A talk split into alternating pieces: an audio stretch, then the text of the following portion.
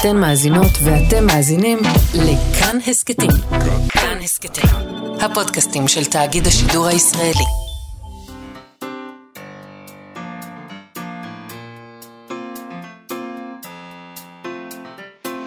מה שכרוך עם יובל אביבי ומה יעשה לה.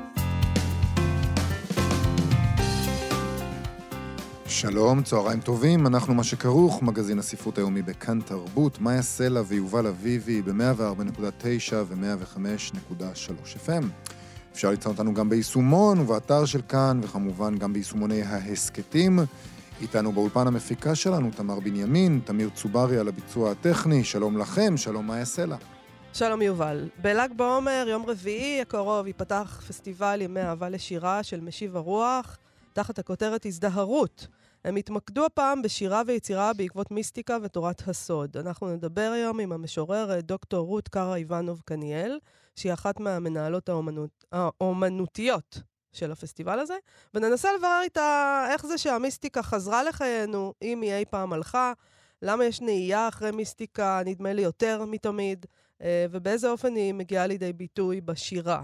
למה אנחנו עדיין אה, להוטים אחריה וזקוקים לה. נדבר גם עם אה, פטר קריקסונוב, אחד המתרגמים החשובים ביותר שיש לנו, מתרגם מרוסית, תרגם קלאסיקות גדולות, דוסטויבסקי, טולסטוי, בין השאר, ועכשיו הוא תרגם ספר מרוסית שכתב גריגורי קנוביץ' שחי בישראל, שהספרים שלו תורגמו לשלל שפות, 15 למען האמת, ואנחנו לא מכירים אותו.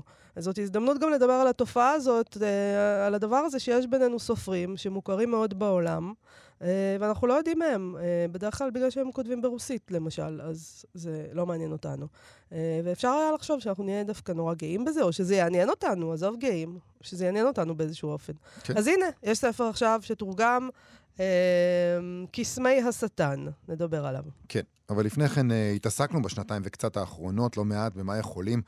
או לא יכולים בתי הוצאה לאור לעשות בזמן משבר. נגיד כשיש סגר של קורונה למשל, ואי אפשר לעבוד בהוצאה, או כשחנויות הספרים נסגרות ואין מי שימכור את הספרים. אה, אז טקסט באתר ליטררי האב שם את כל העניין הזה בקצת פרופורציות. זה טקסט שכתבה קטרינה וולקובה, עובדת בבית ההוצאה לאור ויבט שבאוקראינה, בעיר חרקוב, השנייה בגודלה במדינה, שנמצאת תחת התקפות בלתי פוסקות מאז שהחלה הלחימה. נכון, והיא מספרת בטקסט שהיה קצת קשה להמשיך בעבודה הרגילה של הוצאת הספרים. סליחה, בהוצאה שבימים כתיקונם מוציאה יותר מ-400 ספרים בשנה, ספרים שהזכויות להם נמכרו אה, לעוד 24 מדינות, זאת אומרת, ספרים שמתורגמים וכולי. רוב עובדי ההוצאה נמלטו מהעיר, השאירו מאחוריהם את הציוד שנדרש להוצאת ספרים. בעיה נוספת היא שהמחסנים של ההוצאה נמצאים בעיר שכמובן מופצצת כל הזמן. זה קושי, זה סוג של קושי. אה, קשה להוציא את הספרים מה, משם בכלל. אה, כמה עובדים סייעו לחילוץ הציוד ולהעברת חלק מהספרים. כן, הם עושים את זה במנות קטנות. הם כאילו ש... פשוט שולחים איזה מישהו עם תיק. ואומרים לו, תביא 20 עותקים של זה ו-20 עותקים של זה, והוא רץ פנימה ויוצא החוצה. הבעיה המרכזית של ההוצאה היא שההכנסה שלה מגיעה ממכירת ספרים, וזה דבר קורה מן הסתם פחות במדינה במלחמה. על אחת כמה וכמה כאשר אין גישה טובה למחסנים, שם הספרים נמצאים. ולמרות זאת, היא מציינת בטקסט שלה, שבהוצאה החליטו לא לפטר את העובדים ולהמשיך לשלם להם משכורת, אפילו אם נאלצו לקצץ בה. הם מנסים לשמור על כל העובדים שלהם, שזו גישה מעניינת. Uh, כן, לשמור על העובדים, וגם, אתה יודע, אני מניחה שיש להם איזה יחס לעובדה שיש מלחמה והעובדים שלהם צריכים גם לחיות כן. uh, בזמן הזה.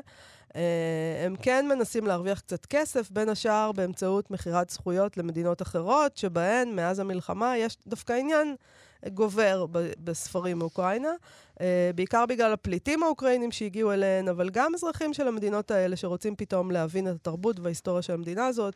אה, ההוצאה הזאת מנסה להקים משרדים חדשים במקומות אחרים. ואיכשהו גם היא מספרת שתוך כדי המלחמה, בזמן שכל הדבר הזה קורה, והם חלקם פליטים וחלקם תחת הפצצות, הם גם הביאו לדפוס 50 ספרים חדשים. כלומר, הם מוכנים לדפוס.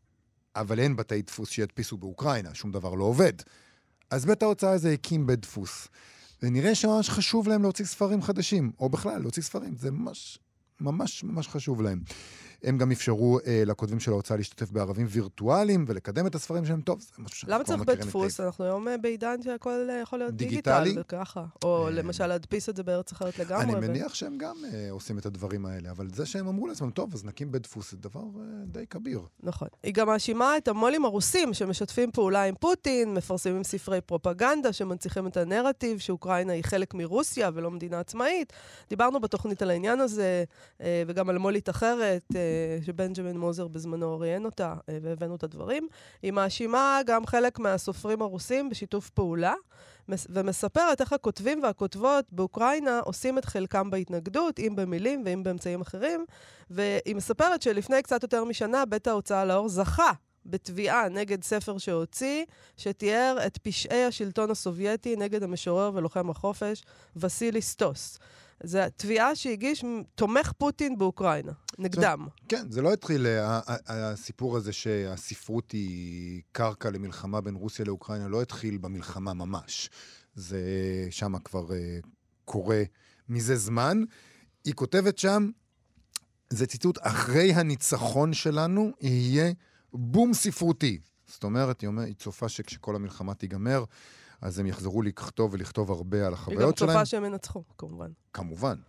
אה, אין, זה באמת, אם הם לא ינצחו, אז לא יהיה בום, גם, יכול להיות שגם יהיה בום ספרותי אם הם לא ינצחו.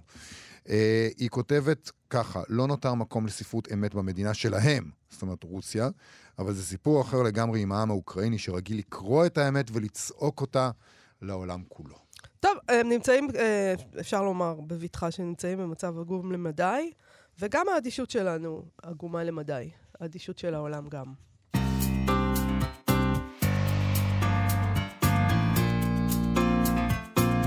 הנאורות וההשכלה ביקשו להוריד מהבמה את אלוהים, ובטח את המיסטיקה, אבל הן נחלו בזה כישלון חרוץ. אולי בגלל שיש בבני האדם משהו שזקוק לסוד אה, בטח לאלוהים. אה, ואולי זה בגלל שפשוט יש סוד, ואי אפשר פשוט להוריד אותו מהבמה. הניסיון להפוך אותנו למין מכונות רציונליות, מחושבות, שכלתניות, גרידא, לא צלח. המיסטיקה תעמוד במרכז פסטיבל ימי האהבה לשירה ה-26 של קבוצת משיב הרוח, שיתחיל השבוע ביום רביעי. מחר, ויסתיים במוצאי שבת. דוקטור רות קארה איבנוב קניאל היא חוקרת קבלה ומשוררת, מרצה באוניברסיטת חיפה ועמיתת מחקר במכון שלום ארטמן, והיא אחת מהמנהלות האומנותיות של הפסטיבל הזה. שלום, דוקטור רות קארה איבנוב קניאל. שלום. אז, אז אולי תספרי לנו למה בחרתם דווקא במיסטיקה כנושא של הפסטיבל השנה. Uh, אני אגיד שבאופן אישי, אלה שני העולמות uh, המרכזיים אה, הרוחניים בחיי, ובאמת אני חושבת שכולנו, גם יצחק כהן וגם סיוון הר שפי, אה, יחד, כשחשבנו על הפסטיבל ראינו את הזיקה העמוקה בין שירה למיסטיקה כהתמקדות במה שסמוי מן העין. כלומר, גם המקובלים וגם המשוררים יודעים שהעיקר נמצא ברווחים, כן. בנשמה שמסתתרת, והקשר כל כך עמוק בין שני העולמות הללו, שבעצם הוא מתבקש. כן. אז מה זה אומר uh, בפועל? מה יהיה בפסטיבל? איך אתם, איך אתם uh, נוגעים ב, בחיבור הזה, בקשר הזה? אז באמת uh, החיבורים הם מאוד מאוד עמוקים, גם ברמה של uh, דיאלוג בין חוקרי קבלה וחוקרי מיסטיקה לבין משוררים ומשוררות, אומנים. אנחנו גם בחרנו לרכז את הפסטיבל סביב ל"ג בעומר, שהוא החג של המקובלים, אולי בהמשך קצת נגיד על זה, אבל באמת זה יום מיוחד בשנה והוא... חוגג את פטירתו של רבי שמעון בר יוחאי, למרות שזה מוות על פניו, זאת בעצם הילולה וזאת התעלות שלו והתכנסות אל השכינה. בפסטיבל יהיו אירועים שמבקשים לשוחח בין עולמות ותרבויות, שירה סופית ומיסטיקה יהודית, חלומות וחזיונות של מקובלים, שירה שעוסקת אה, בנשים אה, משוררות מיסטיות, בשכינה, כלומר שלל אירועים שבאמת מבקשים לערוך דיאלוג בין שני העולמות הללו, גם בהקשר הפנים-יהודי וגם בזיקה לתרבויות אחרות. אז בואי נדבר רגע, ראיתי שיש איזה אירוע או יותר אה, שמתמקד בספר הזוהר אה, ובהשפעה שלו על שירה ותרבות היום. תוכלי נכון. לתת לנו לטעום משהו מזה? איזה, איזה השפעה יש לספר הזוהר? אה, אם הייתה לנו שעה וחצי, הייתי שמחה כן, להגיד הרבה, אני אגיד משהו... לעצמי, כן. כן, נכון, מאיה, אבל אני, אני אגיד בקצרה. בשביל זה נלך לפסטיבל, אבל uh, ככה, בוא ניגע בזה טיפה. נכון. אז באמת, אה, הנושא הזה הוא אינסופי. ספר הזוהר, אה, חלק, חלק מהאנשים לא יודעים, אבל הוא מחלחל לתוך גם פרקטיקות בריטואל של הרוחניות העכשווית, אה, תיקון ליל שבועות, קבלת שבת, כולל העלייה למירון. בעולם של השירה זה קודם כל כמובן ניכר בהקשר של הפיוט. ביצירה היהודית לדורותיה אין ספור משוררים, גם בשירה העברית, אני אמנה ככה כמה שמות, רק לסבר את האוזן, זלדה ויונה וולך ואבות ישורון וביאליק וגם שלונסקי והיום אה, חביבה פדיה ובני שבילי ומשוררים צעירים, פול צלן, אנחנו מקדישים גם דיון בו באחד האירועים, ולאונרד כהן, כלומר אין ספור משוררים ניזונים מהשפה הפואטית הייחודית של הזוהר, וגם בתחומי יצירה אחרים אנחנו ניגע בקולנוע, באומנות. הזוהר הוא מקור הזנה, אבן באמת חן, קליידוסקופ, אפשר להגיד, שמתוכו מתפזרים אורות לכל עבר, ואין ספור משוררים בעצם יוצרים בהשראת החיבור הזה. אז, אז למה את חושבת שאנחנו חוזרים למיסטיקה, אם בכלל עזבנו אותה? הייתה תחושה שעזבנו אותה קצת. לפחות אני מדברת על מה שקורה פה בארץ, ובכלל על הרעיון היה לעזוב את אלוהים גם, והם באו לפה, וציונות, ופתאום בשנים האחרונות, את בשנות ה-80 היה אנטי מאוד מאוד גדול לכל הדברים האלה, ופתאום אה, בשנים האחרונות יש כאילו חזרה לשם באיזה רוגע כזה, באיזה חוסר, אין פחד, פעם היה פחד מזה. אה, אפשר להגיד, למרות שאם את שואלת אותי, השירה מעולם לא עזבה את אלוהים, וודאי לא את השכינה, שהיא שורה בתוכנו. אני חושבת שאפשר לומר שהיום יש נהייה אה, באופן יותר משוחרר ולא כבול באמת לדעת ממוסדת בהכרח, או לאיזשהו קיפאון שהוא יכול לאיים בהקשר הדתי הממסדי, והרוחניות היא, היא צורך, היא צורך שלנו, באמת לאזור הפורה והיצירתי וגם המקום של הארוס. אני חושבת שהמגע הזה עם האינסופי, עם הנשמה האינסופית שבתוכנו, זה מקור הזנה של יוצרים. אז ביצירה זה תמיד יש נהייה אה, אחר האזור הזה. באמת, אה, אני חושבת שגם עברנו קצת העידן הזה של האשליה שהכל בידינו, הכל נשלט על ידי ההבנה שלנו, הרציונליות. איכשהו גם בתחומים אחרים, אני קצת עובדת עם מטפלים, הנשמה היא, היא דבר שדורש אה, מקום. אז הפסטיבל הזה בעצם מעניק ככה דגש להתבונן על ה... באמת על הנשמה, ו... אה, כמו שאת אומרת, אה, אני מרגישה שאנחנו לא צריכים היום להסביר למה זה חשוב. כן. מעבר לפסטיבל את גם משוררת אה, בעצמך, איך זה בא לידי ביטוי אצלך בשירה שלך? וואו, שאלה גדולה, שאני מקווה שאני אצטרך לענות עליה. אני עצמי ילידת מוסקבה, אני מרגישה שיש לי אה, ערבוב של עולמות, העולם התרבותי הרוסי, העולם המיסטי, מילדות, ההורים שלי ככה למדו בבית, הייתי שומעת גם ארמית, גם עברית, גם רוסית, שירה רוסית בעל פה, כל הדברים האלה מעורבבים, אני מקווה שזה ניכר בשירה שאני כותבת, אבל אה, באמת אה, השירה שלי אכן ניזונה באופן עמוק מעולמות הסוד. אז אולי לפני שנמשיך לדבר, אה, תקראי שיר שלך. אה, בסדר. אז אני אקרא שיר מהספר השני שנקרא נפש נעתקת. שיר נקרא זה העולם. לפעמים הלילה מדבר שחור וריק. איזו זעקה לא נשמעת תמלא את נפשך בפה מלא שיני חלב. כשהאימה חסרת שם, תשמחי על סדק האור. מעליו רוחף האוויר. נשמי עמוק, זה העולם. קשקשים נוצצים על גבו. מים כבדים מפעפעים תחתיו. הוא צף מהציר. מעליו פורחת נשמה. אז אני רוצה לשאול אותך, אה, גם, גם בקשר לשיר הזה וגם בכלל, על, ה, על הדבר הזה של, על אימהות ומיסטיקה, בעצם. שני השילוב היפה כן, הזה. כן. אה, אני חושבת שרוב השירים שלי עוסקים בדיוק בתפר. על פניו אנחנו יכולות להגיד, אה, אני אומרת את זה בשם הנשי, אה, הכתיבה הנשית, וככה גם בפסטיבל נקדיש אירוע לכתיבה של משוררות מדורות שונים, אבל באמת אני מרגישה שיש איזה שסע ופער מאוד כאוב. כי לכאורה החיבור לאדמה מפריע לנסוק לנשגב. אנחנו מכירים את זה גם מיסטיקאית נוצריות שאו בחרו בחיי בתולין, או היו כורתות לעצמן את השדיים, מייבשות חלב אם, כאילו הגוף והנשיות והאימהות הם מכשול בפני ה... כן, החוויה האקסטטית וההתגלות. ואני מרגישה שבעומק, גם ככה בעקבות לימוד זוהר והוראת זוהר וכתיבה, יש איזה אה, חיבור עמוק אחר. כלומר, יש מיסטיקה אחרת שהיא נשית ואימהית. ככה עולה בדעתי המושג הזה, המקובלים קוראים לעצמם בעלי העבודה. וכשאני שואלת את עצמי מה העבודה הכי קשה שאני מכירה בחיים הרגשיים והנפשיים שלי, זה העבודה של האימהות. נכון. לשאת את הילד, להתקשר אליו, להיפרד, לפרום, לקשור שוב את הקשר הזה, כן? מה שלא סתם קוראים לזה labor. כלומר, העמל הזה, הקרע הזה, ש... הצזורה של הלידה. ואני חושבת שיש משהו באימהות... אה, שהוא באמת, אה, יש, יש שם סוד, יש שם סוד נורא נורא גדול, שהוא לא בדבר, במופע הגלוי של המלאכה, ה, לפעמים האיומה הזאת גם. אז... אה, החיבור הזה בין הארצי וה... והנשגב, הוא... בשיר הזה מופיע אולי גם אה, מעבר לאימהות. זאת אומרת, אם אתה מסתכל, אם אתה קורא את זה כפשוטו, זה יכול אה, להיקרא, השיר הזה, כמשהו מאוד ארצי. זאת אומרת, יש סדק אור, אנחנו מכירים את סדק האור, אנחנו מכירים את האוויר, קשקשים, מים כבדים, זה דברים שאנחנו יכולים להגיד, אוקיי, זה תיאור של העולם. זאת אומרת, גם, וגם אנחנו, כשאנחנו רואים את העולם, אנחנו הרבה פעמים תוהים, האם מה שאנחנו, כשאנחנו רואים את האור בוקע מהשמיים, זה ברור לנו מדוע יש משהו מעל זה, זה נראה נשגב. כלומר, החיבור הזה בין הארצי לנשגב הוא מצוי גם בתוך הדימויים שלך בתוך השיר. תודה קודם כל, יובל, על הקריאה הרגישה והיפה. אני לא, אני לא כותבת אה, לגמרי באמת בהבנה של מה שאני כותבת, אבל אני ככה חושבת, אה, בעקבות מה שאתה אומר, החיים שלנו זה קצת איזה חיה מיתית, ארכיטיפית, ש, שעולה ממעמקים. כאילו באמת הרגעים של המיסטי, איך, איך בתוך היומיום פתאום סדק האור נפקח, פתאום אה, אני רואה משהו מבעד לדברים, פתאום המילים נפתחות אחרת. אנחנו יודעים מה זה קשקשים, אבל יש איזו חוויית קשקשים כזאת אה, רגשית, שאני מרגישה שהשירה ובאמת גם הקבלה מזמנות לנו לפגוש, כן, את הנצנוץ הזה של המעבר, בתוך היום-יום, בתוך ה, גם העמל וגם הכאב שכרוך בחיים האלה, פה, כאן.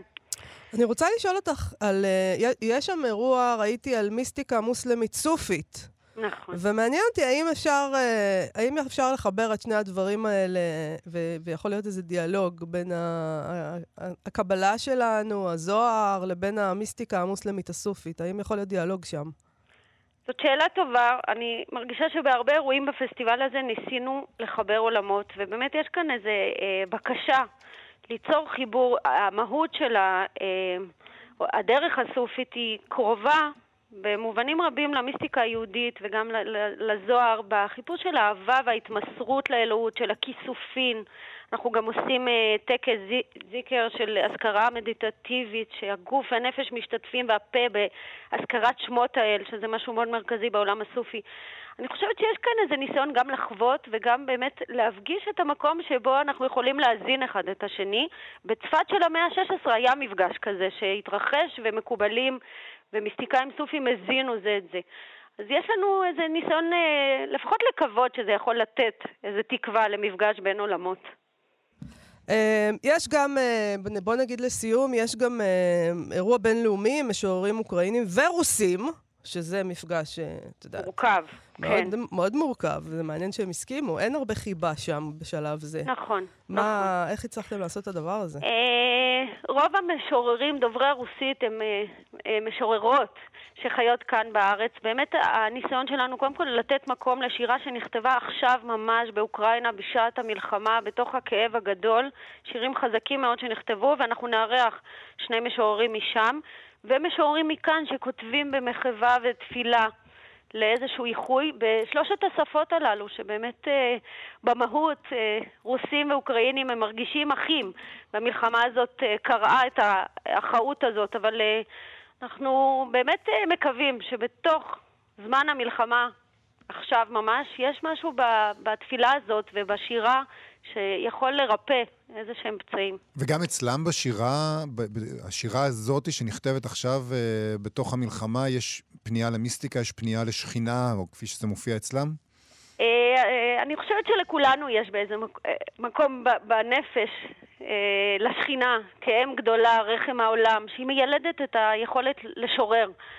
אני חושבת שזה דבר גדול שמשוררים, כשסביבם נופלים פגזים ו, ומטחי יריות, הם כותבים שירה, גם אם זאת שירת מחאה, לפעמים זה דיסטופיה, לפעמים זה אלה מילות כפירה, אל מול התקווה המיסטית שנחזבה.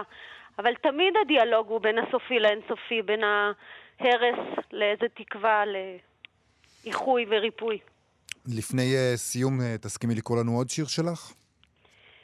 Uh, כן, אני אקרא שיר שהוא איזשהו ניסיון לחבר בין uh, העולם, באמת, גם הרוסי שלי וגם המיסטי, וגם של השכינה. ואני רק אגיד שהוא מתחיל מהמילים הידועה של פסטרנק, סיסטרמה יז'י, אחותי החיים, כל כך יפה שברוסית זה בלשון נקבה. אז השיר נקרא רק ישב. אני מנסה להסביר את זה לעצמי פשוט. השתמש בתג החלף. רקיע שב נברא כשאין מביטים בו, כשהוא תלוי יתום בעירומו.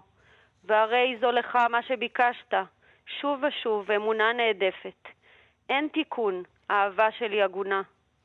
ואחר הייתי מהלכת ברחובות, משננת, החש בראשו יעסוק בתורה. ופותחת ספרים וקורסת לתגין וסודות דלהון, ומרחפת על ירחי מלאכים בערים גדולים, אמהות בתולות, פירות ניטעים, בגדי אור נקראים. הכל היה בי שם, מעין עולם הבא, סקילה, שרפה והרג וחנק ותחיית המתים. נזדקת ברווחים שאלתי, החשה ברחמה, מה תעשה? החשה בליבה, אנה תשוב? הכתר, החסד, התהום נופלים. שכינה שלי, אחותי החיים, הושיעי נא, רק אמרי, כיצד ניצלים. שאלה טובה. דוקטור רות קארה איבנוב קניאל, תודה רבה לך על השיחה הזאת. נגיד שוב, ימי אהבה לשירה של uh, קבוצת משיב הרוח, פסטיבל, מתחיל מחר, יימשך עד מוצאי שבת. תודה רבה לך על השיחה הזאת. תודה רבה לכם, יום טוב. להתראות. להתראות.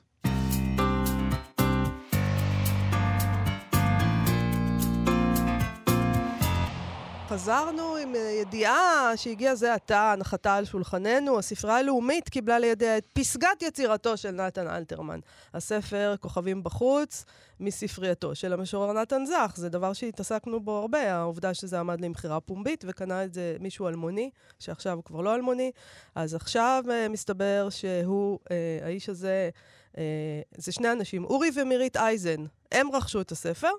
והם העניקו אותו במתנה לספרייה הלאומית. לדבריו של אייזן, מהרגע שהוא שמע שהספר עומד למכירה פומבית, היה לו ברור שעליו להימצא בספרייה הלאומית, על מנת שיהיה נגיש וזמין לחוקרים וגם לציבור הרחב. Uh, זה מה שקיווינו שיקרה. נכון. אני, אנחנו דיברנו על זה פה. הלוואי שיש איזה רוכש, איזה איש עסקים, מישהו שזה כסף קטן בשבילו, ש... אבל גם אכפת לו נכון. מעוד דברים, כמו תרבות. והוא יעשה את המעשה הזה. אז הנה, אה, אורי ומירית אייזן עשו את זה. אלמנתו של נתן זך, כך מוסרים, שרה אביטל, אמרה, אני מברכת את הספרייה הלאומית על קבלת הספר כוכבים בחוץ של נתן אלתרמן, עם הערותיו של נתן זך, שיצא מידי בטעות ומצא את מקומו במוסד הציבורי הראוי לו בין חכמי ישראל לדורותיהם. אה, הודי אמרה, כדי להביע את הערכתי לספרייה הלאומית על שיתוף הפעולה בינינו, אני מעבירה לספרייה את ספרו של אלתרמן, חגיגת קיץ, גם הוא מספרייתו של נתן זך. חגיגת קיץ כולל מספר הערות רב בכתב ידו של זך. כן. אז אה, טוב, יופי. הם מצרפים להודעה הזאת אה, גם כמה צילומים עם ההערות הרלוונטיות.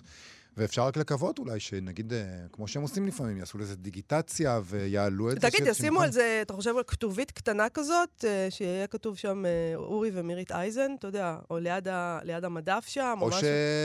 את יודעת, בניין על שמם, מה שעושים כמקובל במקרים כאלה. לא, בשביל בניין צריך לתת יותר כסף, אבל אה, לא, אנחנו, כל הכבוד לאורי ומירית כן, אייזן. כן, בהחלט זה דבר יפה, וגם אה, נחמד שהגיע בזכות הסיפור הזה עוד ספר נכון. אה, חשוב אה, לידי הספרייה הלאומית, וכך זה בהחלט אה, צריך להיות. הוא בא לציון גואל. עכשיו, שפה אחת ודברים אחדים. אז אנחנו עם פינת התרגום שלנו, שפה אחת ודברים אחדים, והיום איתנו בפינה אה, אחד המתרגמים החשובים ביותר שיש לנו, פיטר קריקסונוב, שמתרגם מרוסית. בזכותו יש לנו את נבוקוב, ואת דוסטויבסקי, ואת בולגקוב, ואת טולסטוי, ואת פסטרנק, ועוד ועוד ועוד. יש לו זכויות רבות. וואו, אם לא היה אותו... אנחנו חייבים לו הרבה. אם לא היה אותו, באמת היינו חסרים. ועכשיו יוצא בהוצאת, אה, לאחרונה יצא בהוצאת אה, גפן וכרמל, הספר קסמי השטן של אה, גרגורי קנוביץ', שהוא חי בישראל, אנחנו לא מכירים אותו למרות זאת, ונראה שחבל מאוד. זה ספר נהדר. הוא כותב ברוסית, ספריו תורגמו ל-15 שפות, הוא זכה לשלל פרסים בליטא, ארץ הולדתו. ופטר קריקסונוב כתב עליו שהוא מזקק בספריו יופי נדיר ושהוא מקנא בקוראים שעתידים לפתוח ספר מרתק כמו קסמי השטן. שלום למתרגם פטר קריקסונוב. שלום, שלום לכם. שלום וברכה. אז קודם כל, באמת תודה על כל הספרים שנתת לנו, שאנחנו בזכותך יכולים לקרוא, אבל תספר לנו רגע על, ה, על הבן אדם הזה, שהוא הוא, הוא פה בינינו ואנחנו לא יודעים עליו כלום, למרות שראיתי בבת ים. קצת תורגמו ספרים שלו בעבר אה, לעברית, אבל לא, לא, לא, הוא לא מוכר, אי אפשר להגיד שהוא מוכר. כן, אולי, אולי זה בגלל ליטא, שזאת ארץ אזוטרית לגמרי, קטנה כזאת, עם טבע אדיר, יערות עד, ו- וכל מה שיש בטבע, בעלי חיים, ציפורים וכן הלאה, ש- שקנוביץ' לא, לא זר ל- לאהבה לטבע הזה, וגם, וגם לארץ הולדתו ליטא. הרי... יהודים חיו שם איזה 500-600 שנה לפחות. נכון. כן.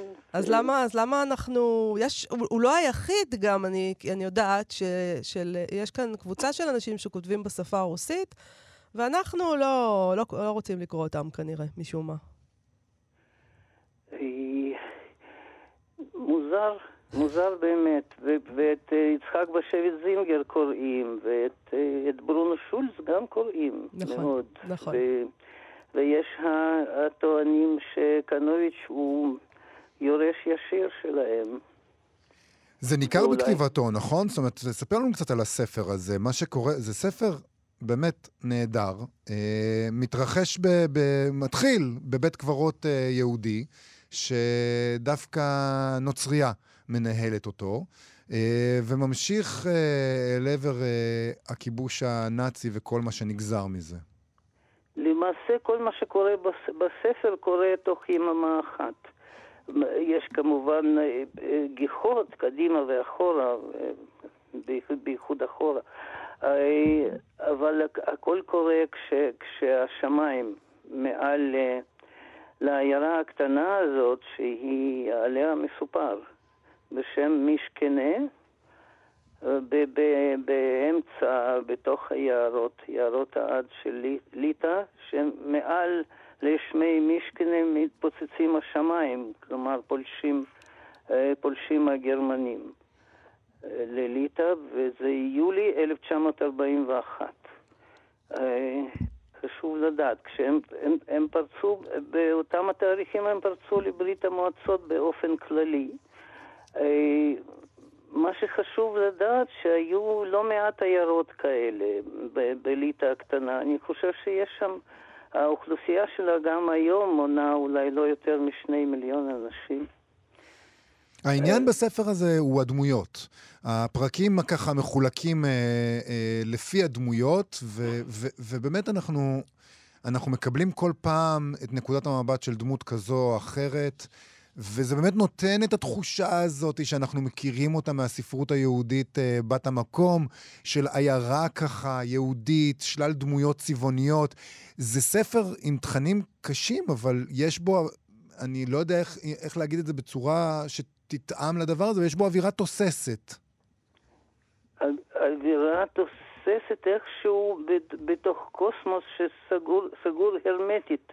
מבחינתנו, והנה הקורא חודר פנימה, וזה מה שמרתק. אולי, אולי אחד הספרים הנדירים אה, שעושים את זה. מה, ש, מה שכן קורה שם ברקע או לא ברקע, שהיהודים והליטאים חיים בעיירות האלה במשך מאות שנים, זה אלה לצד אלה, ולא קורה שום דבר עד שמגיעה התעמולה הנאצית בצורת עלונים, ששם הנאצים קוראים להשמדת היהודים. והאוכלוסייה המקומית, המקומית גם מבצעת את מה שנדרש מהם בעלונים. בוא, בוא נדבר, פטר, על, ה, על האתגרים בתרגום באופן כללי, אבל גם ספציפי לספר הזה. איך, איך משיגים את הדבר הזה? איך, איך עושים את הדבר הזה? ש, ש, איך שומרים על המוזיקה?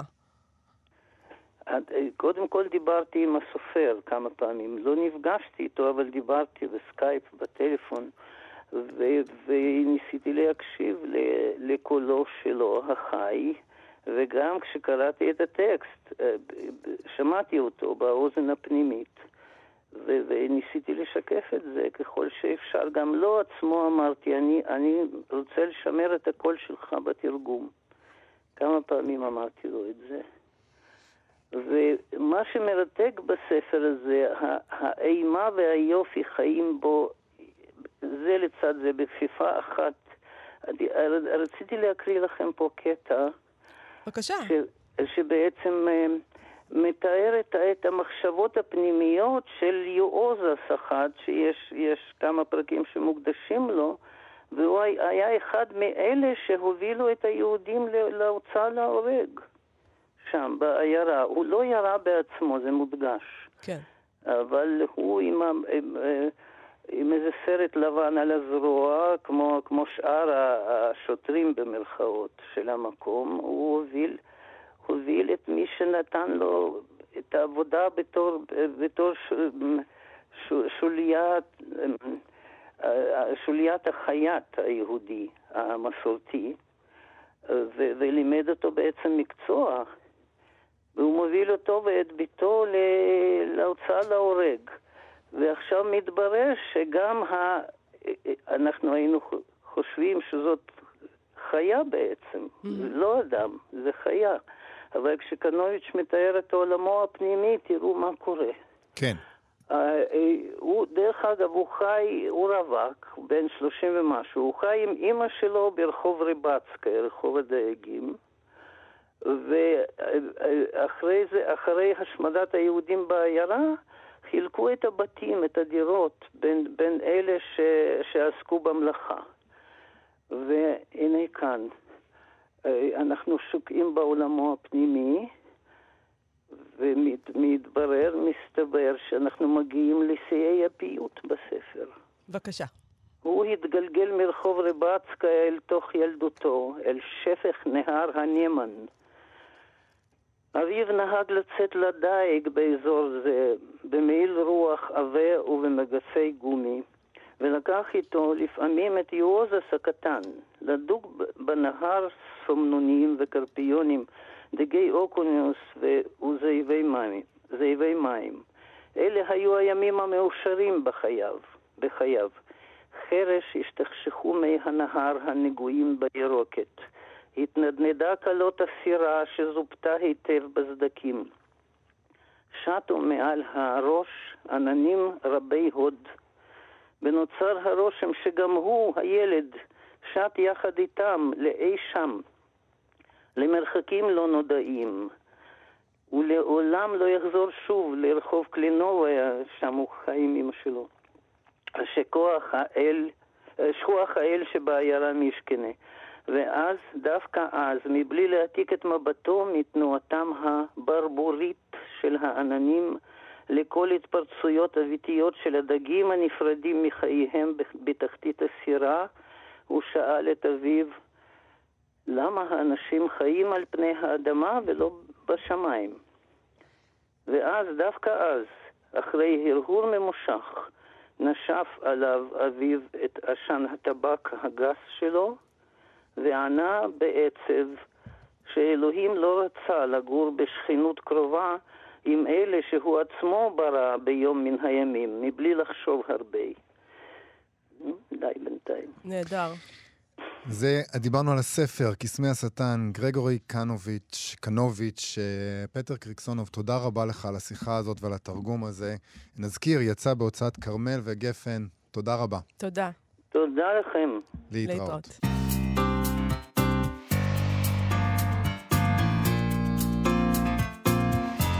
אנחנו עם סטטוס ספרותי של מבקרת הקולנוע של טיים-אאוט, יעל שוב, אה, שבעצם מפרסמת בפייסבוק חלק מביקורת שהיא כתבה על עיבוד לספר.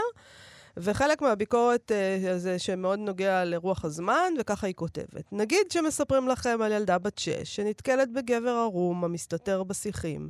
היא מביאה לו בגדים של אבא שלה, ובשנים הבאות הם שבים ונפגשים בסתר, משוחחים על החיים ומשחקים דמקה, ויום אחד הוא מספר לה שבעתיד הם יהיו בעל ואישה. מרגע שהיא מתחילה לחשוב על סקס, היא רוצה לשכב איתו, והוא אכן הגבר הראשון שהיא שוכבת איתו. זמן קצר אחרי שנאנסה על ידי בן גילה. בקיצור, אם הייתם שומעים משהו כזה, הייתם מתרשמים שמדובר בסיפור רומנטי על אהבה חוצת גילים, או שזה סיפור חשוד על גבר שעושה grooming לילדה תמה. צריך להסביר מה זה grooming? תסביר. אה, זה מדבר... grooming זה שמישהו מנוסה, גבר מנוסה, ככה מטפח. אה, ילדה קטנה, זו מילה טעונה כמובן, ו... ולאט לאט הוא, הוא קונה את האחיזה שלו בה, והוא עושה, מתחיל את זה בגיל צעיר, ועד אה, לשלב שבו כבר אין ברירה. אה, היא ממשיכה וכותבת, כשהרומן אשתו של הנוסע בזמן יצא לאור ב-2003, האלמנט הזה בעלילה לא משך תשומת לב. אולי משום שבספר הוא פחות בולט, או משום שבשנים שחלפו המודעות לגבי האופנים שבהם גברים פוגעים בנשים התעצמה. אה, ב-2009 רב המכר עובד לסרט גרוע שזכה להצלחה קופתית גדולה, עכשיו הוא זוכה לעיבוד נוסף, הפעם כמיני סדרה בת שישה פרקים בהפקת HBO. רק שבינתיים, היא כותבת, פרץ עידן המיטו, והתסריטאי נדרש להתייחס לכך. אז הוא כלל בדיאלוגים, אה, בדיאלוג מונחים כמו grooming והסגברה, בניסיון להגיד לנו שזה בכלל לא זה. אבל זה בהחלט מרגיש ככה, זה מה שהיא אומרת. אתה יודע, זה באמת בעיה, מה עושים עם אה, ספר שחלף זמן רב מאז שהוא אה, נכ... נכתב, והסטנדרטים לא. השתנו, ועכשיו כן. רוצים לעבד אותו. אנחנו רגילים לשאלות כאלה על ספר אה, מהמאה ה-19 נגיד, אבל uh, מתברר שגם עם ספרים מ-2003 כבר יש פער בלתי נסבל. זמן לא רב כל כך. נכון, יש פער, העולם מאוד מאוד השתנה מאז 2003, והשינויים כרגע הם אקספוננציאליים, זה שינויים מאוד מאוד גדולים. אה, אז אה, אה, אני רוצה, בוא נקרא תגובה שיש שם, שנכתבה אצל יעל שוב, כדי לתת עוד זווית, כי אני פשוט לא קראתי את הספר, אז הנה עוד זווית לכל העניין הזה. תגובה של ענבר נעמן, והיא כותבת שם, האלמנט הזה דווקא מאוד בולט בספר. היחסים בין הנרי הבוגר לקלר הילדה והנערה מתוארים מצידו כמאוד מביכים, והוא מאוד מנסה לשמור על התמימות שלה. כמובן שיש פה grooming, אבל הוא לא מוצג בצורה רומנטית. זה לא מוצג כרומנטי שהיא גדלה לתוך הרעיון של בעלה, אבל יש פה פרדוקס זמן. אשתו של הנוסע בזמן. היא מכירה אותו מגיל 6, והוא מכיר אותה רק כי היא זיהתה אותו בבגרות, מתוך זה שהיא מכירה אותו מגיל 6. ואין דרך אחרת לראות את הקשר ביניהם. אני חושבת אישית, מכיוון שהספר הזה עוסק בעולם פנטסטי ולא מציג סיטואציה ריאליסטית, מאוד קשה לעשות השלכה מהסיפור אל המציאות. כלומר, זה לא כמו סדרות שבהן מורה יוצא עם תלמידה ואז עשוי לעבור מסר של לשכב עם המורה שלך, זה לוהט. לא הספר עצמו, יש בו אהבה מאוד גדולה, אבל החלקים שעוסקים בהנרי המבוגר וקלר הילדה נועדו לגרום לאי נוחות, והסצנה שבה הם שוכבים לראשונה היא בכוונה אחד הדברים הכי לא סקסיים שתקראי. אני חושבת שכשאנשים אומרים שזה לא כל כך בולט בספר, זה כי הדף יכול לספוג הרבה יותר מאשר יצירה על המסך. וכמו עם שיר של אש ושל קרח, שם הרבה מהדמויות צעירות יותר ועברו התבגרות לצורך העיבוד הטלוויזיוני. אני מאמינה שכשאנחנו קוראות ספר, הדמיון שלנו מתאים את הנרטיב בצורה יותר סלחנית, מאשר כשאנחנו צופות על המסך. כי זה משהו שמתקיים בדמיון שלנו, ויכול להיות הרבה יותר גמיש. מה את אה, חושבת, מאיה? אני חושבת שגם לנוכח זה שלא קראתי את הספר, אבל אפילו אם זה מה שמתואר בספר, אז מה? מה אתם כל כך נבהלים? אז מה, משהו שאי אפשר לקרוא, זה משהו שאי אפשר אה, להציג, זה משהו שאי אפשר לעסוק בו, אה, כאילו... בגרומינג?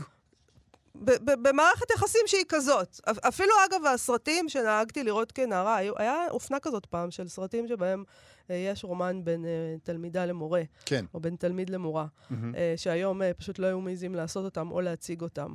אבל אנחנו מאוד מאוד אהבנו את הסרטים האלה.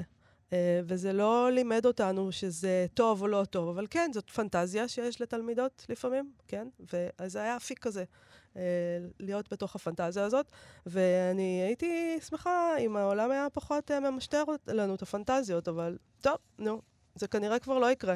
מ- מ- אני לא אוכל לצאת פה בקריאה שהעולם לא משטר אותנו, כי זה אבוד, נכון? הוא כבר משטר אותנו, אנחנו כבר חיילים שלו. אה, אנחנו יודעים להגיד grooming, כולם כמו, כמו פקודה כזאת, כמו קריאת מילואים. grooming, grooming, אוי, לא, grooming. בסדר.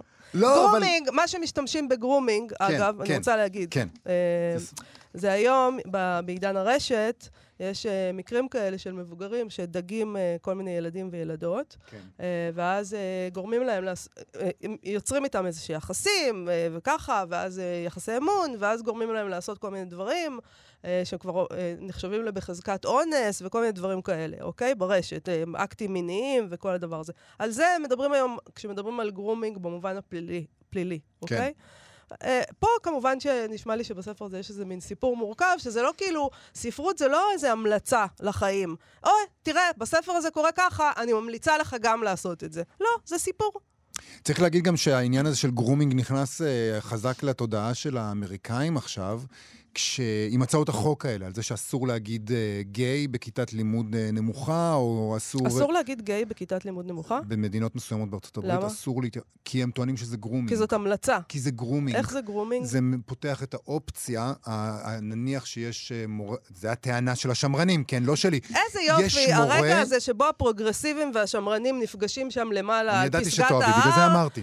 ווואלה, שיהיה לכם, מה שנקרא, שיהיה בהצלחה לשני הצדדים. הטענה שלהם היא כל כך, הטענה שלהם היא שאם יש מורה שהוא uh, גיי, שהוא הומו או לסבית, והם מדברים על זה, אז זה פותח עבור הילדים הנוחים האופציה. להשפעה את האופציה, והמורים לכאורה, שהם, uh, שהם uh, הומואים ולסביות, עושים את זה כדי שהם יוכלו להפעיל את ההשפאה שלהם על הילדים, זה ואחר נשמע כך... לי כמו אגדה על זה שיהודים שתו את הדם של ישו. זה בערך באותה רמה של אה, קונספירציה. אה, אגדה כזאת אה, אנטישמית אה, אה, והומופובית, כמובן. אבל, מנס... אבל מה עושים עם ספרים? מה, מה עושים עם עושים? ספרים? מה, קוראים את הספרים, לא, יובל, זה מה נניח- שעושים איתם, מה עושים איתם? נניח שאתה רוצה לאבד ספר אה, שאהבת, אשתו של הנושא אני לא תוכנית טלוויזיה, אה, אני לא עוסקת בעיבודים. אה, אתה, אה, אם אתה בן אדם אה, שמרן, או לחילופין אה, פוץ אה, פרוגרסיבי, אז אה, תמצא ספר, ספר אחר פשוט. במקום להרוס ספר קיים, תמצא ספר שהוא בדיוק בתקן. אולי... ה- שיש שם דמות אחת שחורה, ואחד הומו, ואחת לסבית, והכל יהיה בסדר שם.